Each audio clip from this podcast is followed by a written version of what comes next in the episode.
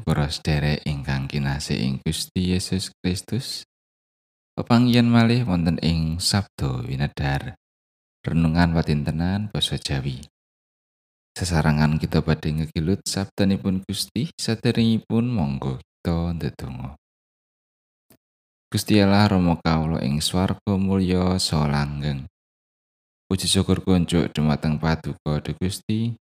Awit sedaya berkah paduka ingkang kawula raosaken ing gesang kawula. Sakmenika Gusti kawula badhe ngraos-ngraosaken sabda paduka. Mugi paduka piyambak ingkang paring pangandikan. Mugi roh suci tansah ngamping-ampingi. Paring kasagetan anggen kawula mangertosi saha nindakaken menapa ingkang paduka kersakaken tumrap kawula. Tasih kathah dosa kelepetan kawula ing ngarsa paduka. Mugi Gusti kersa ngapunteni. Wonten ing asmanipun Gusti Yesus Kristus kawula ndedonga lan saos syukur. Amin. Maosan kapendet saking Daniel bab 7 ayat 13 lan sekawan welas. Ing sajroning wahyu ing bengi iku, aku terus wae anggon kundeleng. Banjur ana kang rawuh nitih mega saka ing langit. Kaya putraning manungsa. Kang nuli sowan marang ing ngarsane kang sepuh ing Yuswa mau lan iya banjur kairit sowan ing panjenengane. Tumuli keparingan pangwaos lan kaluhuran sarta pangwaos sing karajan.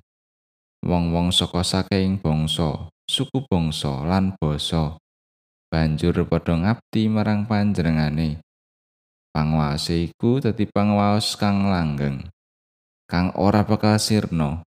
Sarta karajane iku karajan kang ora bakal rusak. Mekaten pangandikanipun Gusti. Ayat nat saking sekawan welas B.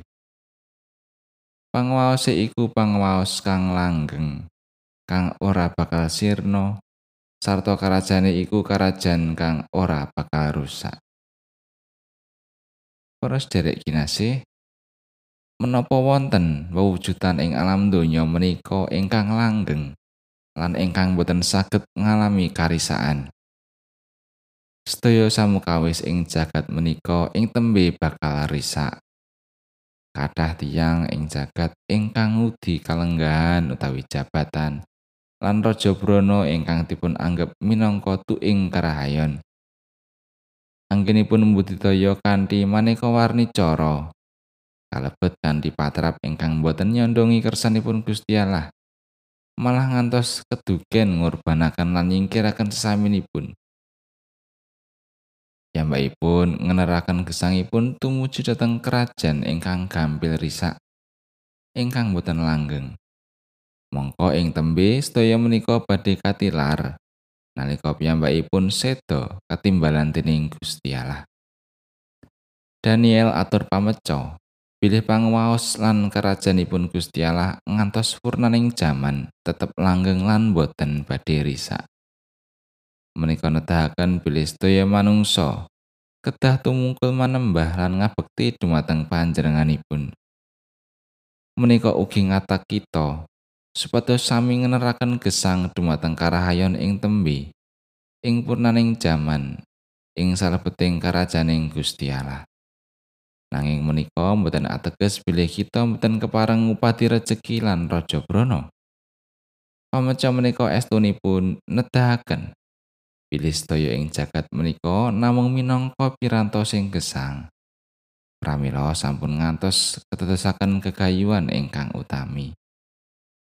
Sedaya ing jagat kedah tansah kaudi kanthi patrap ingkang jumbuh kalian kersanipun Gusti Allah lan keladosaken ngegem kaluhuran asmanipun Gusti Allah ugi.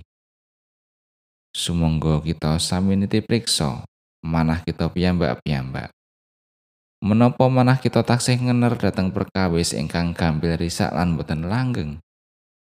Menapa kita taksih ngraosaken wasu melang awit ajrih kecalan bondo kadonyan utawi kalenggahan? Menapa kita taksih asring gadai raos serik utawi meri menawi nyumerepi tiang sanes kaparingan kalenggan ingkang langkung inggil satu rezeki langkung ingkang kathah ketimbang diri kita Amin. Puji